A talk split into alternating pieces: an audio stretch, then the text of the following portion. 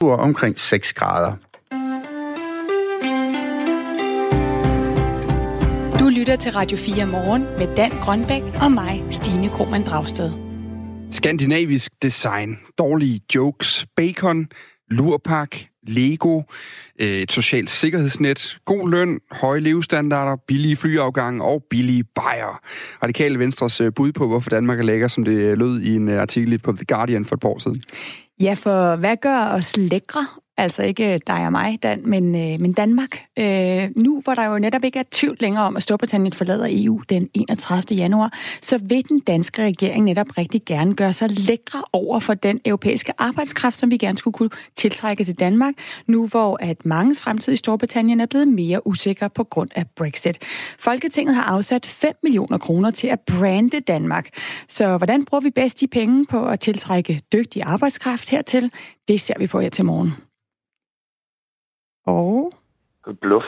Bluff. Der er jo ikke noget, der hedder en anden generations reform. Øh, det, det er jo ikke noget, som øh, vi har brugt politisk. Sådan siger øh, Venstres finansordfører Troels Lund Poulsen om regeringens tanker om en ny bølge af reformer, de såkaldte anden generations reformer. Der er blevet talt om de her reformer både før, under og efter valget i juni, men vi ved ikke rigtig stadigvæk, hvad de egentlig går ud på. Vi spørger i dag på Christiansborg, om nogen kan hjælpe os øh, med et svar om en øh, god halv times tid, og senere på morgen, der spørger vi også regeringspartiets finansordfører, om han kan være behjælpelig med et svar. For to uger siden, der fik Danmark, ifølge politikerne selv, den grønneste finanslov nogensinde. Men der er ikke afsat en eneste krone til de omfattende forureninger, som undergrunden rundt i Danmark gemmer på. Det er ved Keminova på vestkysten, det er ved Grænstedforureningerne. Så her til morgen så dykker vi ned i giftstoffer som TEP, sulfotep, parationer og tungmetaller. Og så spørger vi SF, altså Danmarks Miljøparti, det er i hvert fald det, de kalder sig selv, hvorfor man ikke stod mere fast på at få penge til at rense den danske undergrund. Det er altså Radio 4 morgen i dag. Klokken den er blevet øh, 7 over 6. Men vi starter lørdag, for der fandt en øh, forbipasserende en øh, lille dreng stående ved siden af en barnevogn på gaden midt i Aarhus. I den her barnevogn, der lå en lille pige øh, og øh, forældrene de var ikke til at finde i nærheden, så politiet blev tilkaldt. Ifølge politiet der er det en pige på omtrent et år og en dreng på omkring to og et halvt, der er blevet efterladt, og deres identitet er stadig ikke øh, fastslået. Drengen har et øh, ufuldstændigt sprog, som man beskriver det, men politiet mener, at børnene er afghanske, da de øh, menes at tale afghansk med Dari-accent. Godmorgen til dig, Kone Sørensen. Godmorgen. Du er psykolog hos øh, Red Barnet. Øh, hvis vi lige fokuserer på de her børn her, hvordan, hvordan bliver børn påvirket af at blive efterladt af deres forældre på den her måde? Jamen, børn bliver jo rigtig ulykkelige, især når de er helt små, og vi ikke kan give en forklaring på, hvorfor at vi forlader dem. Det kender vi jo som forældre, når vi har øh, efterladt vores børn i, vug, i vuggestuen første gang, eller den første uge er det jo som regel øh, hvor de jo græder voldsomt, men hvor det jo som regel heldigvis går over, når der er nogle gode omsorgspersoner, der trøster dem og øh, beskæftiger dem med noget. Og nu er øh, de her børn så i de sociale myndigheders øh, varetægt, efter de blev, øh, blev, blev fundet af politiet. Og ifølge politiet, der har de det, det godt. Øhm, hvad skal der ske fremad med børnene for, for at minimere den her, hvad kan man sige, psykiske belastning, de jo er, er udsat for lige nu? Jamen det optimale vil jo selvfølgelig være, at de kan blive genforenet med deres forældre. Øh, men så længe de ikke kan det, så er det jo vigtigt, at øh, det er de samme øh, voksne omsorgspersoner, der tager sig af dem, passer dem. Altså man kunne forestille sig en familiepleje eller lignende, hvor der er en, en far og en mor, øh, der tager hånd om dem og øh, har en helt almindelig hverdag med dem, selvom der jo der er den udfordring, at, øh, at man ikke kan tale direkte med den to og en halvårige hvis man kan finde en, der kan tale øh, hans sprog, og man kan kommunikere, så er det selvfølgelig også optimalt. Mm. Men, men, men man, altså nu, nu nævnte du selv det her med vuggestuen. Jeg har selv en søn på, på halvandet. Hvis, han, hvis jeg nogle gange øh, kommer til at gå på toilettet, øh, hvor han sidder inde i stuen, og så kan jeg høre, der går lige præcis 10 sekunder, og så, så stikker han i et, i et kæmpe, kæmpe vral inde i stuen, ja. over at far er væk. Altså, øh, det kan være svært for mig umiddelbart at sætte mig ind i, hvor voldsomt et traume det, det må være, det her. Altså, øh, at, at, at sådan noget her varigt?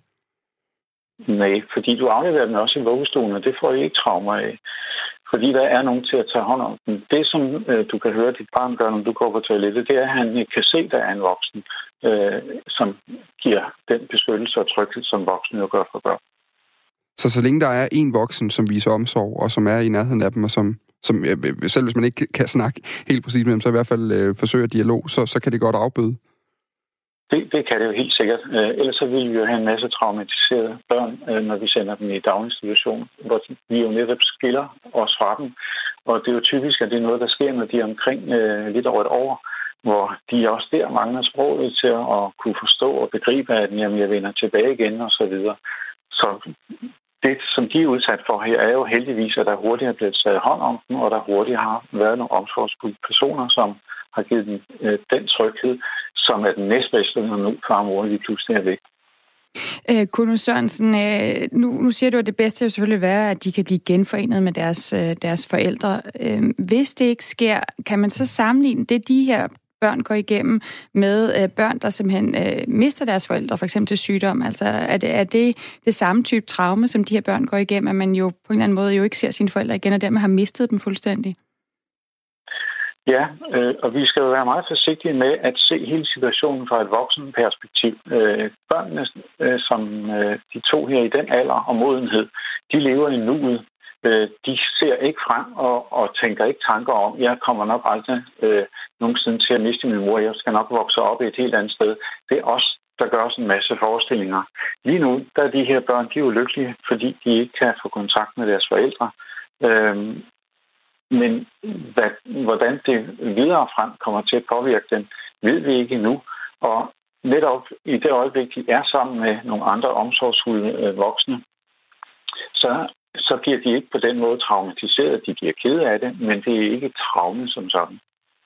Lige til sidst nu, så har der jo været... Øh, man har jo først troet, man, at de her børn, de var østeuropæiske. Øh, det var det første bud, der kom fra, fra politiet. Nu har man så fundet ud af, at de formodentlig, formentlig er afghanske, og taler, med, taler afghansk, fordi de taler afghansk med, eller drengen taler afghansk med, med bedari accent som man skriver i en pressemeddelelse. Men, men, øh, men det her med, at der har været noget tid, hvor de ikke har mulighed for at kommunikere, altså øh, at tale med, altså at, hvor, hvor, hvor, hvor stort et problem er det for for barnet i den alder? Øh, nu du netop selv siger, at vi lige skal kigge på det fra barneperspektivet. Ja. Jamen, øh, i et etårigt barn, øh, der handler det om den måde, vi taler til dem på. Det, det er tonen i sproget. Nå, min lille ven, nu skal du se, kom nu her. Mm.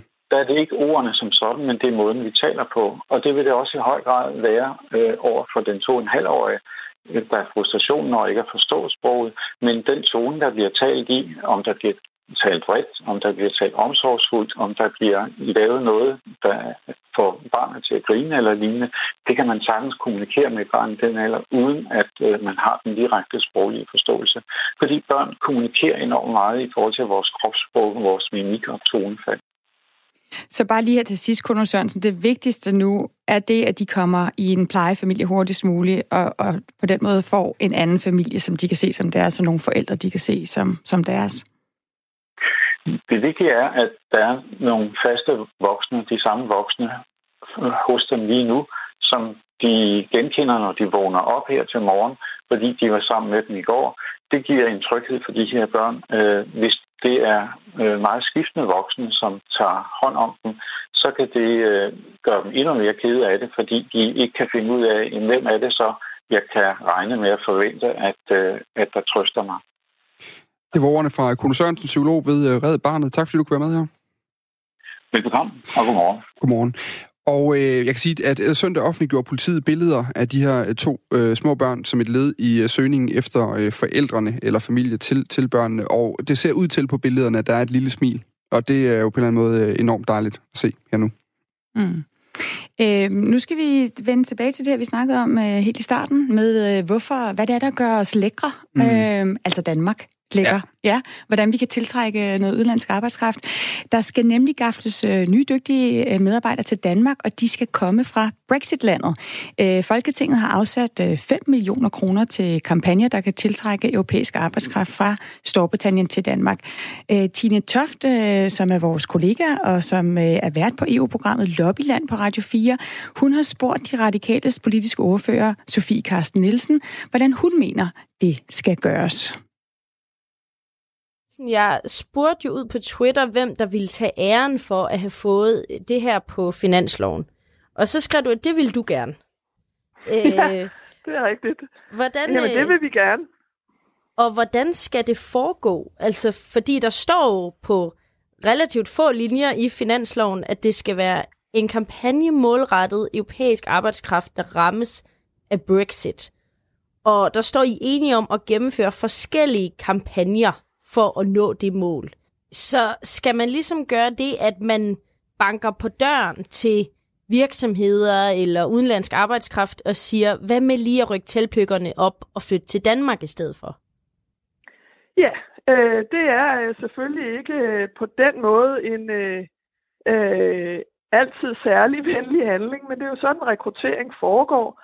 Øh, og man må sige, at, øh, at Storbritannien har jo selv, øh, de ligger som de har, har ret her. Der er jo simpelthen mennesker, der mister de øh, fordele, de har haft af at være EU-borgere, og som det nu bliver svært for. Og der øh, vil vi bare gerne være først ved haveloven, og i hvert fald nogle af de første, til at sige til dem, der er rigtig mange øh, øh, faglærte, og sådan set også øh, ingeniører og andre, som øh, vi mangler. Det kunne også være sundhedspersonale, som vi i den grad mangler i Danmark, øh, som øh, kunne komme hertil, og jo nogen, som måske endda har arbejdet på et øh, engelsktalende arbejdsmarked i en årrække, og derfor også har nogle sproglige fordele og hurtigt kan indtræde på en, en lang række arbejdspladser i Danmark. Så jeg rekrutterer efter dem.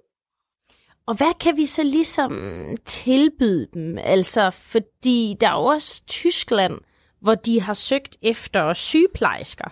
Altså lidt på samme måde, og der har de indrykket sådan nogle annoncer, øh, ja. også på polsk, hvor der står, er du bange for Brexit? Ikke alene kan vi tilbyde bedre løn, bedre sociale ydelser, bedre arbejdstider, vi har også bedre vejr, bedre mad, kortere til Polen, og sikkerhed for, at du bor i et EU-land. Så er de indrykket de her annoncer også på polsk. Ja. Er det også det, vi Klogt. skal gøre? Ja, det kunne sagtens være. Det er det, vi skal diskutere øh, nu. Øh, men hvor er det klogt af tyskerne, og det viser jo også noget om den konkurrence, vi er op imod om, øh, om hænder og hoveder i Europa. Øh, og det er Danmark altså også. Heldigvis synes jeg da, at vi i Danmark kan tilbyde øh, rigtig mange andre ting, øh, som øh, måske på nogle øh, områder er lige øh, lidt bedre end øh, tyskernes, men det tyske arbejdsmarked er stort, det bliver svært at konkurrere med. Men det kan være, at nogle af dem kunne komme til Danmark, fordi at, at vi også her, trods alt, i hvert fald nogle steder ligger relativt tæt på Polen, øh, men, øh, men har gode vilkår. Godt at være børnefamilie her øh, i Danmark. Øh, og indimellem er vejret der også bedre end i Storbritannien, men det bliver måske lidt sværere sådan at reklamere med. Altså, Holland har jo også reklameret med, at ja. de har tiltrukket 100 virksomheder, og Tyskland gjorde allerede det her i marts. Altså, har vi siddet på hænderne i Danmark? Ja, alt for længe, men øh, bedre sent end aldrig.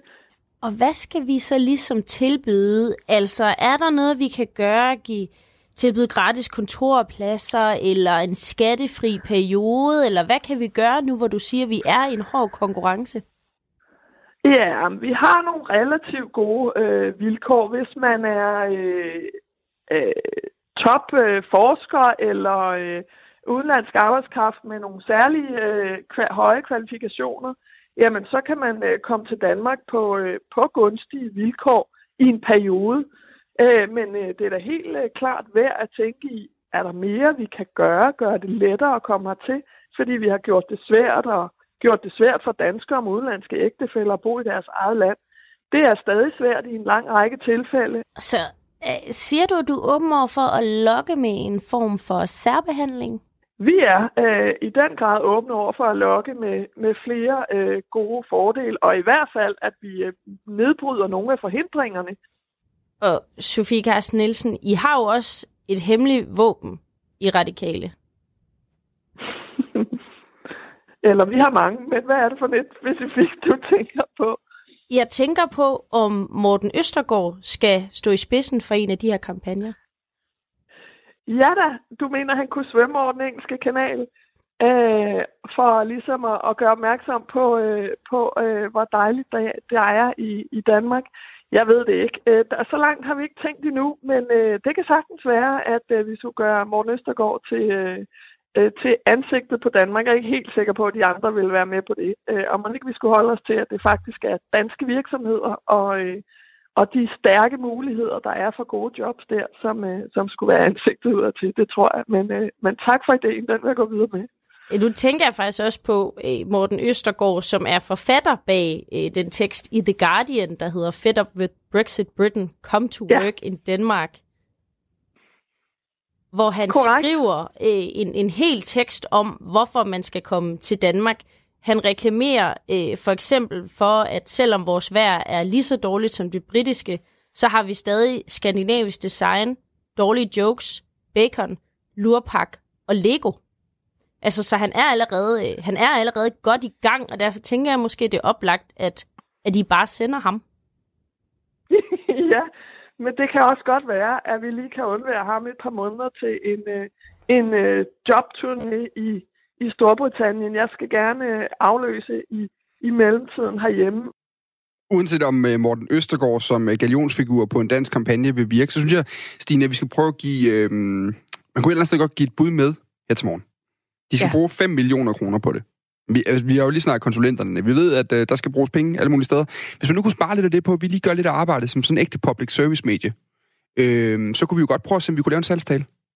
Ja. ja. Se om vi kan strikke sådan en sammen i løbet af morgenen. Ja, altså ja. Hvordan, hvordan sælger vi bedst Danmark? Hvad nu har det, vi jo et bud fra Sofie Carsten Nielsen og Morten ja. Østergaard. Lad os se, om vi kan få et bud Hvis ikke fra... man bliver helt overbevist af, at Morten Østergaard tager på turné i England, hvad er det så, vi kan tiltrække ja. folk med? Er der nogen af lytterne, der har et bud på det? Ja. Skriv ind til os, hvad der gør Danmark lækker. Ja, hvad er det, der gør Danmark lækker? Hvorfor skal man flytte lige præcis til vores land? Send os lige en sms på 1424 øh, med det bedste ved Danmark, som du ville bruge som salgsargument, hvis du skulle have en, øh, en fra England til at flytte til.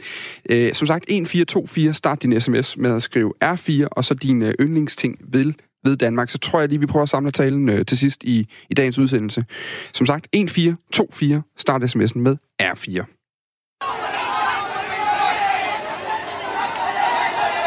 Det her det er lyden af flere tusind ældre, der de seneste dage har været øh, på gaden i protest. Øh, blandt andet har flere hundrede studerende fra øh, et universitet i det sydøstlige Delhi øh, været i samstød med øh, politiet her øh, natten til mandag, øh, og, og mange er kommet på hospitalet. Og det sker altså efter, at den indiske regering har indført en ny, meget kontroversiel statsborgerskabslov. Med den nye lov, der bliver det lettere for flygtninge fra nabolandene Afghanistan, Bangladesh og Pakistan at opnå statsborgerskab i Indien. Men det er kun for hinduer og shikker og buddhister og kristne fra de her lande, altså Afghanistan, Bangladesh og Pakistan, at man sådan uden videre kan komme igennem nåleøjet. Hvis man er muslim fra de her lande, jamen så er Indien med den nye øh, lov et lukket land. Øh, godmorgen, øh, Jørgen D. Pedersen.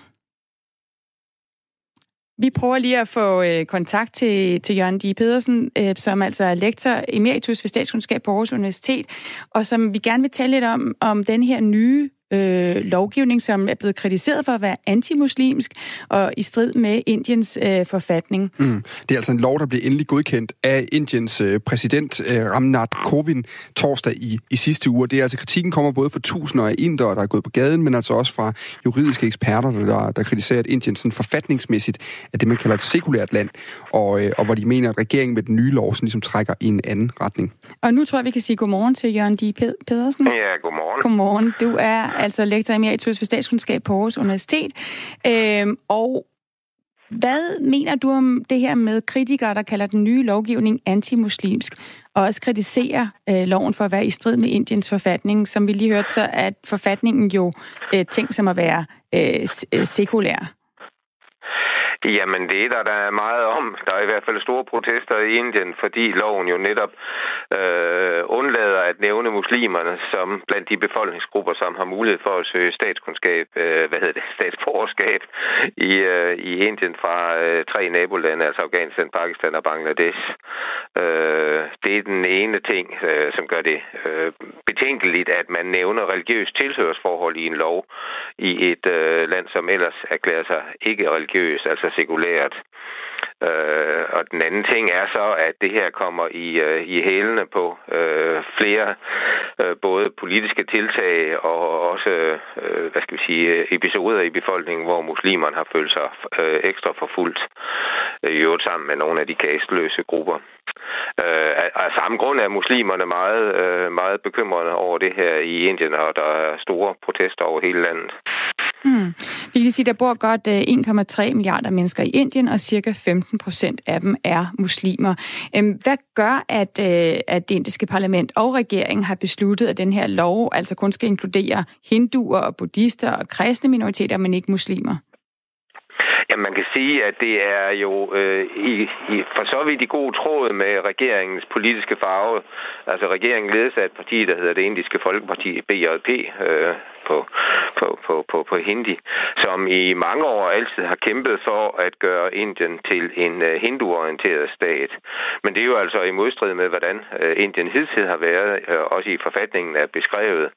Uh, og ved sidste valg fik regeringen jo absolut flertal, og det har den så uh, valgt at benytte uh, i flere henseender. Det her er så det sidste eksempel på, at uh, den forsøger at dreje Indien i en uh, hinduorienteret retning. Om det så kommer til at lykkes, kan man jo ikke helt vide, men regeringen har i hvert fald formået at få loven igennem øh, de to huse i parlamentet, altså underhuset og overhuset. Øhm, mm. Så det er sådan set noget, der ligger i tråd med, hvad partiet øh, længere har haft på programmet. Og de er jo også gået ud og forsvaret den her lov og sagt, at dens formål er jo at hjælpe folk, der er forfulgt på grund af deres religion, og at det netop er hinduer, buddhister og for eksempel kristne, der er udsatte i de her lande, som vi taler om, altså Pakistan, Bangladesh og Afghanistan, mens muslimer ikke er forfulgt der. Køber du den forklaring? Nej, det er der ikke ret mange i Indien, der gør heller, fordi der er jo andre nabolande til Indien. Der er jo for eksempel Myanmar, hvor der er en muslimsk befolkningsgruppe, som i allerhøjeste grad er forfulgt, altså rohingyerne, øh, som jo er meget, øh, hvad skal vi sige, blevet internationalt kendt også for den øh, enorme forfølgelse, der sker der. Mange er flygtet til både Bangladesh også, men altså også til Indien. Øh, så der er ikke mange, der, der, der køber, det bare er for folks, øh, hvad skal vi sige, øh, vi vil sige blå øjne skyld, altså forfulgte befolkningsgrupper. Der er også mange befolkningsgrupper, som er muslimer i de her lande, som, øh, som bliver forfulgt. Øh, der er mange forskellige slags muslimer i verden. Her er en del forskellige i Pakistan, som øh, især også er øh, udsat for forfølgelse. Så øh, det tror jeg, de fleste jagttagere, der så nogenlunde øh, køligt betragter det her, siger, at det, det er vist ikke helt rigtigt. Og en af de aktager, det er jo så FN's menneskerettighedskontor, som har udtrykt bekymring øh, for det, de kalder lovens grundlæggende diskriminerende karakter. Øh, loven skal altså nu behandles af højesteretten i Indien. Hvor stort et nederlag vil det være fra øh, den indiske regering, hvis de ender med at må trække den her lov tilbage?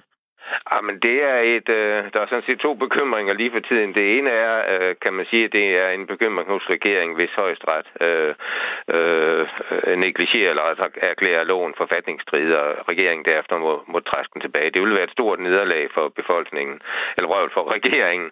Men, men, men en anden ting, der øh, i hvert fald for nogle i aktager, i hvert fald også for mig, øh, er bekymrende, det er, at højesteret i den senere tid har øh, udvist en bekymrende adfærd, øh, som har været til fordel fordel for regeringens øh, mere hinduorienterede dagsorden. Der har været et par domme i nyere tid, som øh, man absolut godt kan stille spørgsmålstegn ved, hvor, øh, hvor rigtige de er. Øh, så det bliver lidt spændende at se, hvad højesteret gør. Øh, og der er også andre sager, der kører ved højesteret, som er prekære i hvert fald for regeringen. Mm. Det følger du, øh, og vi følger også udviklingen, og, øh, og, og de her uroligheder, som jo altså fortsætter her øh, øh, mandag morgen, hvor vi i, i høj grad også ser øh, de studerende i, i Delhi, øh, altså muslimske studerende, gå på gaden. Øh, det sagde altså Jørgen Di Pedersen, der er lektor emeritus ved statskundskab øh, på Aarhus Universitet. Klokken er øh, halvandet minut i øh, nyheder klokken halv syv, og øh, vi kan lige tage en hurtig sms. Vi har bedt om at få et par øh, gode råd til vores øh, salgstale, hvordan vi øh, ligesom tiltrækker øh, specialiseret arbejdskraft fra øh, Brexitland, eller øh, England, eller Storbritannien, som det også kaldes, til øh, Danmark nu, hvor, øh, hvor, hvor de formodentlig træder ud af EU efter øh, det her kæmpe, den her kæmpe valgsejr til Boris Johnson fra Konservativ. Der er en, der har skrevet ind, vi har de bedste forhold. Er du for eksempel kinesisk kok, kan vi tilbyde 80 timer om ugen og helt op til 25 kroner i timen, hvis du er dygtig. Er du chauffør, kan vi tilbyde fantastiske boligforhold i en femstjernet trailer i Padborg. Der er i hvert fald en, der har hørt uh, nyheder i sidste uge, hvor der blandt var historien om de her kinesiske kokke, som boede i baglokalerne på restauranter rundt omkring, og ikke, vist ikke blev betalt helt, hvad 3F mener, de skulle. Ej, jeg er ikke sikker på, om det er det her, vi kan inkludere i vores salgstale, hvis vi faktisk vil Ej. tiltrække... Øh, øh, jeg tænker, det i høj grad er, er sådan højt uddannet, højt lønnet arbejdskraft øh, til Danmark. Så hvis du har øh, en idé til, hvordan vi kan gøre os rigtig lækre over for den her arbejdskraft, som i hvert fald øh, regeringen siger, vi har behov for, så skriv ind til os på 14 mm. øh, 24 og skriv R4, et mellemrum, og så din besked. Ja, jeg er ret sikker på, at selv ikke Morten Østergaard med det største smil, han kan øh, mønstre, ville kunne sælge den der i England for at få dem til at flytte til. Nu skal vi have en omgang øh, nyheder. Det med øh, Morten Sand. Klokken den er blevet øh, halv syv. Det er blevet tid til nyheder her på Radio 4. Den digitale begejstring i folkeskolen er gået for vidt, det mener børne- og undervisningsminister Pernille rosenkrantz teil og hun vil nu tage initiativer til, at eleverne møder flere bøger og færre skærme i skolen. Det skriver politikken, og ministeren siger... Det er jo ikke fordi, at iPad'en ikke kan være et svar på noget i undervisningen. Men iPad'en kan ikke være et svar på det hele.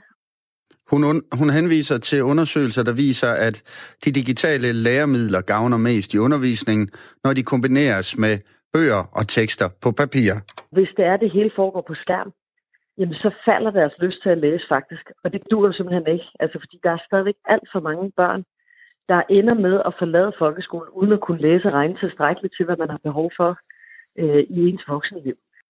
Pernille rosenkrantz teil indkalder nu repræsentanter fra kommunernes landsforening, lærere og IT-udbydere for i fællesskab at sikre bedre balance mellem computer og bøger. Den stigende levealder er den største klimaudfordring. Det vurderer flere klimaforskere, og det skriver Jyllandsposten. Klodens befolkning vokser, vokser nemlig med mere end 200.000 hver dag. Ikke mindst fordi vi alle i gennemsnit lever længere. Siden 1950 er den gennemsnitlige levealder i verden steget fra 46 til knap 73 år. Da velstanden og forbruget samtidig stiger over det meste af kloden, så stiger presset på klodens ressourcer og på klimaet. Det helt store globale problem er, at vi lever længere og længere og samtidig bliver rigere, konstaterer en af landets førende klimaforskere, professor på Københavns Universitet, Katrine Rikardsson. Professor Jørgen E. Olesen fra Aarhus Universitet er på linje. I mange rige lande som Danmark har de ældre nu så mange penge, at de dårligt ved, hvad de skal bruge dem til, og derfor stiger deres forbrug, siger han til avisen. Østjyllands politi har modtaget mange henvendelser om de to børn, der lørdag aften blev fundet efterladt på Park Allé i Aarhus. Ingen af henvendelserne har dog bragt politiet tættere på at finde identiteten på de to børn. Det fortæller vagtchef Østjyllands politi Lars Bisgaard til TV2. Derfor modtager politiet stadig gerne henvendelser om de to børn, men gerne på mail, skriver de på Twitter. Det drejer sig om en pige på omtrent et år og en dreng på to-tre år. Og i en anden overskrift kan jeg for, skal vi til Australien. Sydney står nemlig over for en folkesundhedskrise, som følger af røgen fra de busbrænde, der havet, har havet i flere uger. Sådan lyder advarslen mandag fra førende læger i landet, efter at hospitaler har rapporteret om dramatisk stigning i antallet af skadestuebesøg. Over 20 sundhedsorganisationer herunder Royal Australian College of Physicians, der repræsenterer flere end 25.000 læger og lærerstuderende, har mandag offentliggjort en erklæring her i opfordrer de Australiens regering til at erklære en folkesundhedskrise på grund af den giftige røg fra skovbrændene. Og USA's eksport til Kina vil næsten blive fordoblet som følge af den delaftale om handel, de to lande fredag blev enige om. Det siger Robert Lighthizer, der er, har ledet handelsforhandlingerne med Kina. Fredagens aftale er endnu ikke underskrevet, men han forsikrer, at bortset fra nogle få justeringer, så er aftaleteksten klar til at blive officielt blåstemplet. Der er koldt udenfor lige nu, og det betyder, at øh, DMI de advarer mod øh, stedvis isglatte veje, så pas på derude. Og i løbet af dagen, der bliver det mest skyet med regn eller byer, mest i Jylland. Ellers stort set tåget, øh, tørt, undskyld, med måske lidt sol. Temperatur op omkring de 6 grader.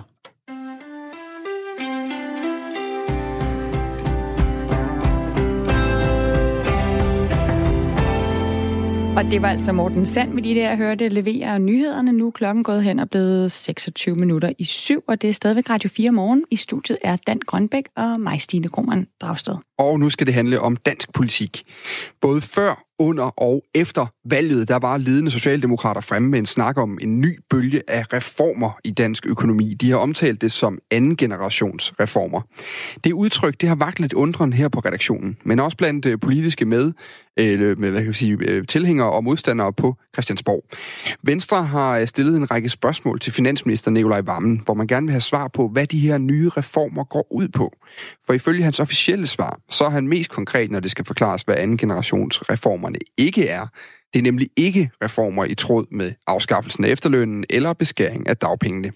Radio 4's politiske reporter Peter Sindbæk, han har forsøgt at spørge lidt rundt på Christiansborg.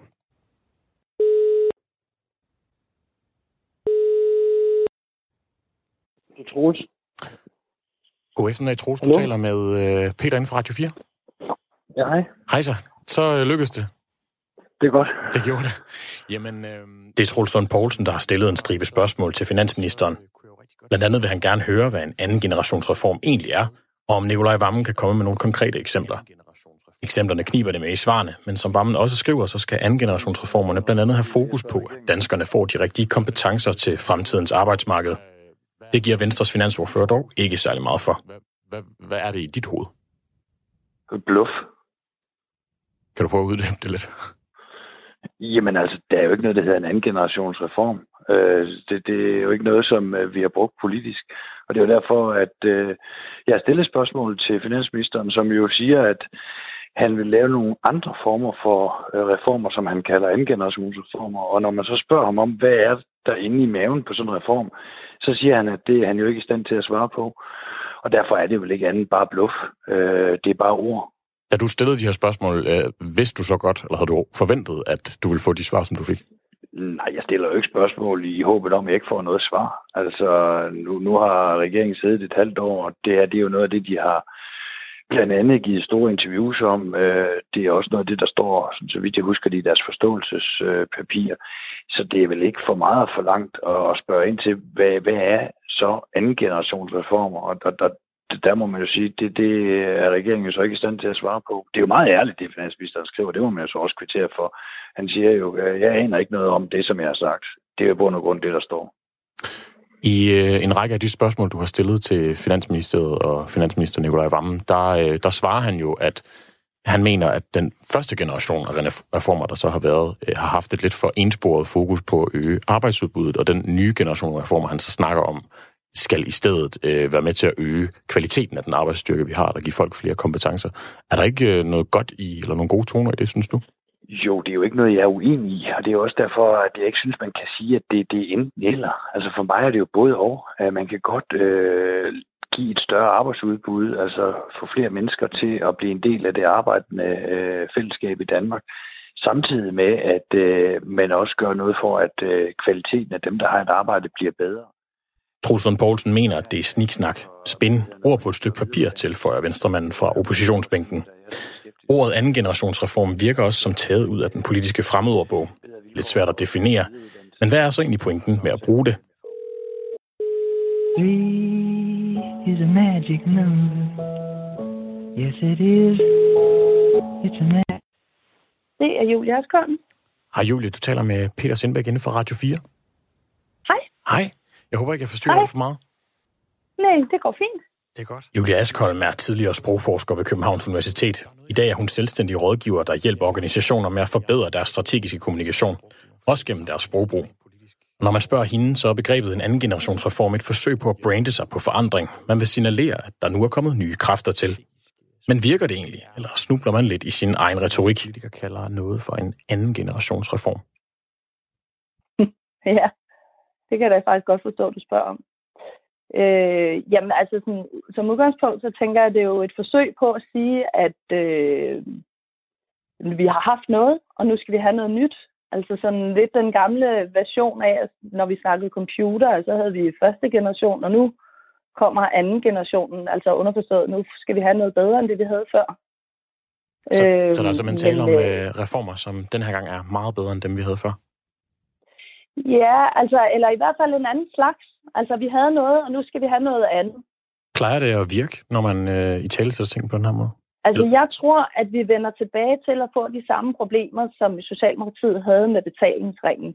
At det overhovedet at, have, at bruge det her reformord, det tror, jeg, det tror jeg simpelthen ikke bliver vejen frem for dem. Jeg tror ikke, øh, det, de detaljer, der ligger i, hvad en første generations reform og en anden generations reform, den skal kunne, det tror jeg simpelthen ikke når ud. Jeg tror ikke, det bliver forstået. Er det så, fordi folk, tror du, har en for negativ konnotation af, at øh, reformræset ligesom tog lidt, øh, et øh, lidt for hurtigt spor sidst?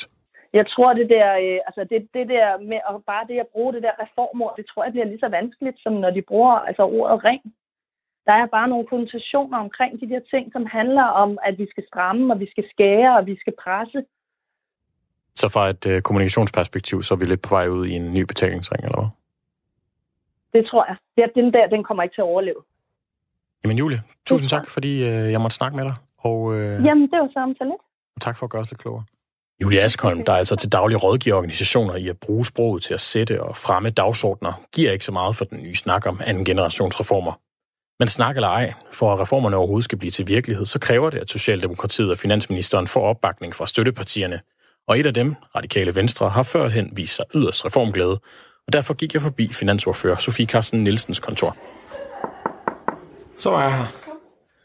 Tak fordi du lige har tid. Det er den store julefrokost frokost aften eller hvad? Kunne jeg med? nominering. Nå ja, det er ikke dig, vel? Det er så ikke mig. Ikke den jeg her. har ret information. Det synes jeg også er fortjent. Deres Ja. oksekøds. Ting. Jamen, de har også om sig. Er du sindssyg, mand? Men øhm, som jeg lige hurtigt skrev i sms'en, Ja. så var det egentlig også fordi... Lige præcis. Ja, det er da også spændende. Hvad er det? Jamen, mit bud er, at, øh, at det for eksempel er øh, det, som vi så fik med i finansloven. Øh, IGU Plus har vi jo fået med et initiativ, der skal udvide IGU'en. Det kræver så, at parterne også er med. Øh, men vi har jo allerede en IGU, som er den her integrationsgrunduddannelse, altså en indgang på arbejdsmarkedet for mennesker med flygtningebaggrund. Nu vil vi gerne udvide den. Nu er der nogle øh, venstrefolk, der har spurgt, stillet spørgsmål til, hvad han rent faktisk mente, når han bruger det her, hvad kan man kalde, lidt ukendte ord, som vi ikke mm. rigtig har hørt i debatten før. Øh, er det bare sådan en politisk drilleri i dine øjne, eller er det egentlig er det et interessant spørgsmål at stille? Jeg betragter det lidt som politisk drilleri, men det interessante er jo også, øh, hvordan vil man ligesom få det til at ske? Og på den måde er det jo reelt. Øh, jeg tror, og det er jeg også selv meget inspireret af, at Socialdemokraterne er øh, inspireret af økonomen Nina Schmidt, øh, som, øh, som vi i Radikal Venstre bestemt øh, også er, er meget inspireret af, som siger, det er ikke, der er ikke kun noget at hente, øh, og der er nok ikke så meget mere at hente, ved ligesom at skrue mere på, øh, på de ting, der handler om øh, mennesker, der er arbejdsløse. Det tror hun har ret i. Øh, og øh, det er egentlig også det, jeg hører. Øh, men det er klart, det som er interessant er jo, hvordan vil man få balancen til at gå op? Hvordan vil man have råd til at investere i såkaldt anden generation, altså uddannelse og udvikling, hvis ikke man samtidig sikrer, at der er mennesker nok på arbejdsmarkedet? Og da slet ikke, hvis man tager en række initiativer, der trækker mennesker ud af arbejdsmarkedet fra der, hvor vi har det nu. Er man på vej til at gøre det, eller hvad? Socialdemokraterne har jo planer om, at, øh, at et eller andet ukendt antal mennesker fra måske et ukendt antal brancher øh, skal få lov at gå på pension langt tidligere end i dag. Og det er jo en sympatisk ting, men det vil jo betyde, øh, altså at hvis man ikke er nedslidt og alligevel får ret til at, øh, at gå meget tidligere på pension, så mangler vi i tusindvis af mennesker på arbejdsmarkedet. Det bliver økonomien altså mindre af.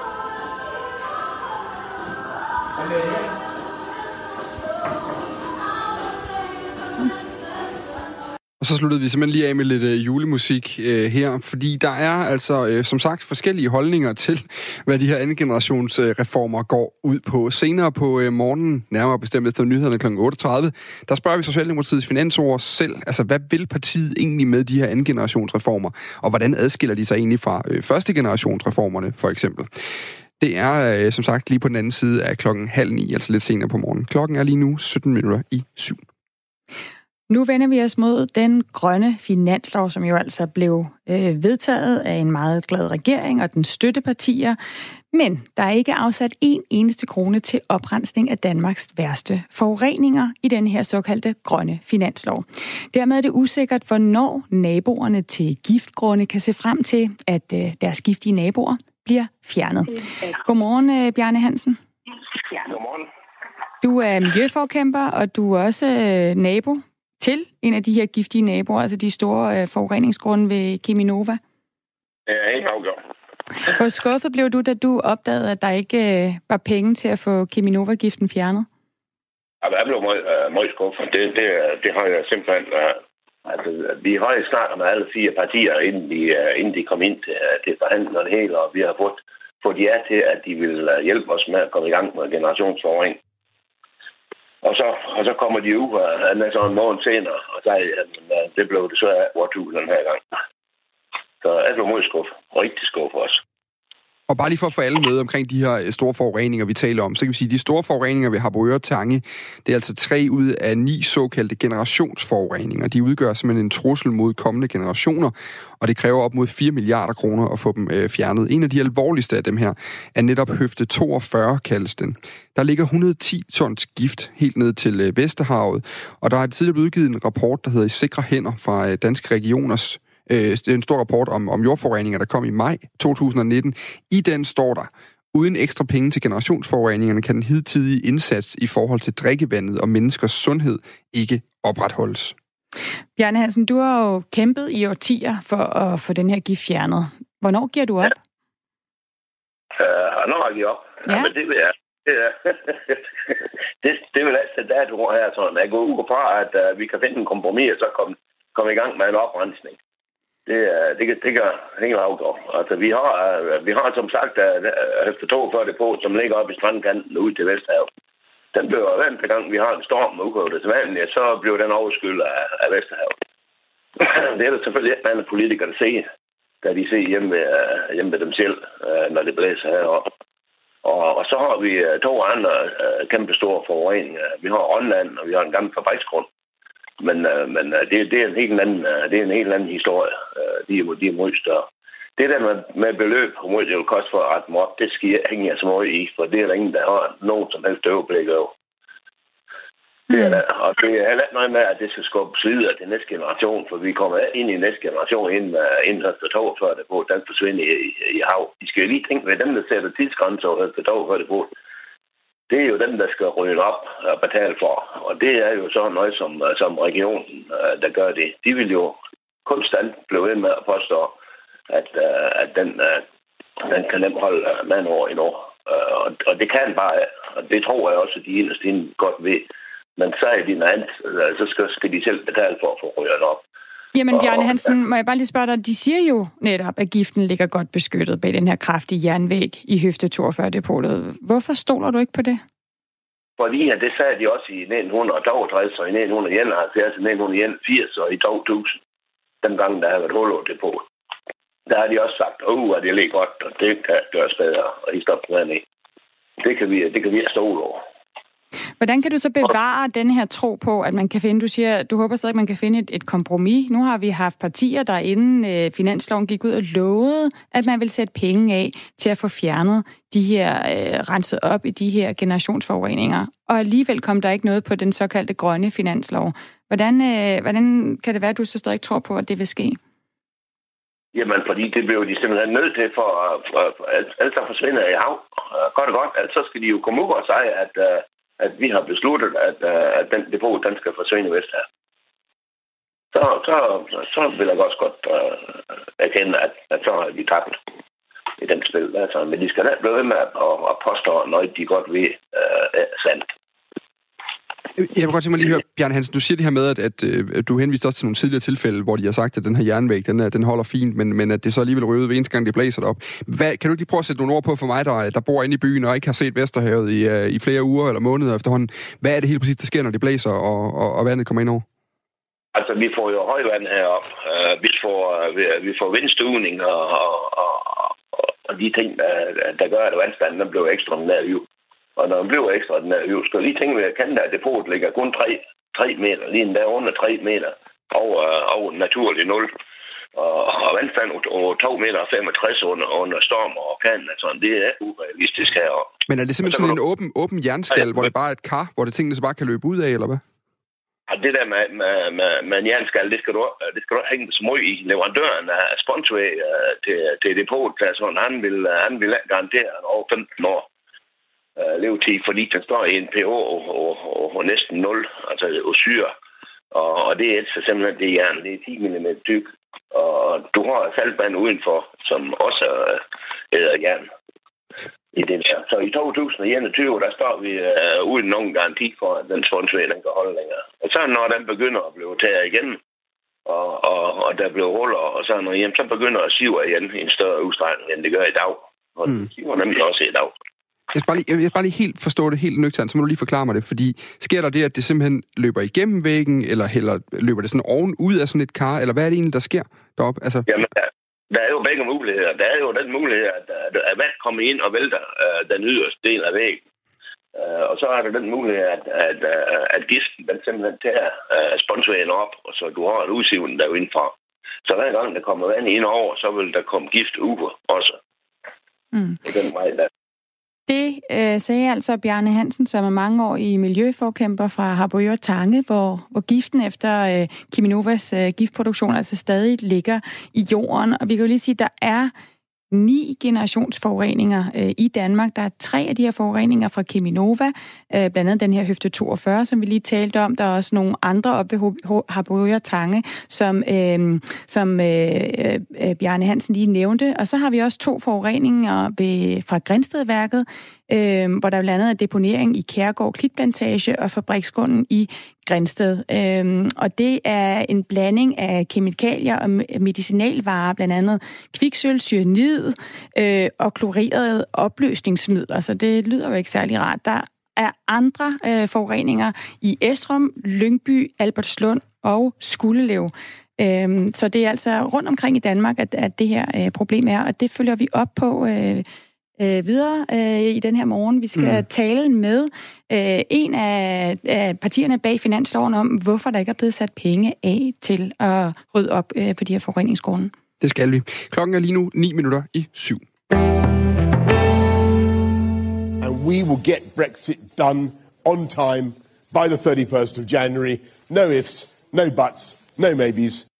Nu ser det ud til, at Storbritannien de forlader EU. Boris Johnson han vandt en markant valgsejr ved det netop overståede øh, valg i Storbritannien. Konservativ gik meget frem, og det vil han altså bruge til nu for alvor at trække dem ud af EU. Derfor vil regeringen og støttepartierne bruge 5 millioner kroner på kampagner, der skal lokke europæisk arbejdskraft til Danmark, efter at øh, flere europæiske øh, arbejderes fremtid i Storbritannien er blevet mere usikker på grund af det fortstående Brexit. Linda Vendelbo, chef for DGI Global Talent hos øh, Dansk Industri. Altså Godmorgen. ikke DGI, tror jeg, men Dansk Ej, Industri. Ja. ja. Modtaget. Godmorgen i hvert fald, Linda Vendelbo. Godmorgen, og Dansk Industri, det er rigtigt. Yes, godt. Så fik vi den på plads. Det er ikke noget med idræt, der gør det her.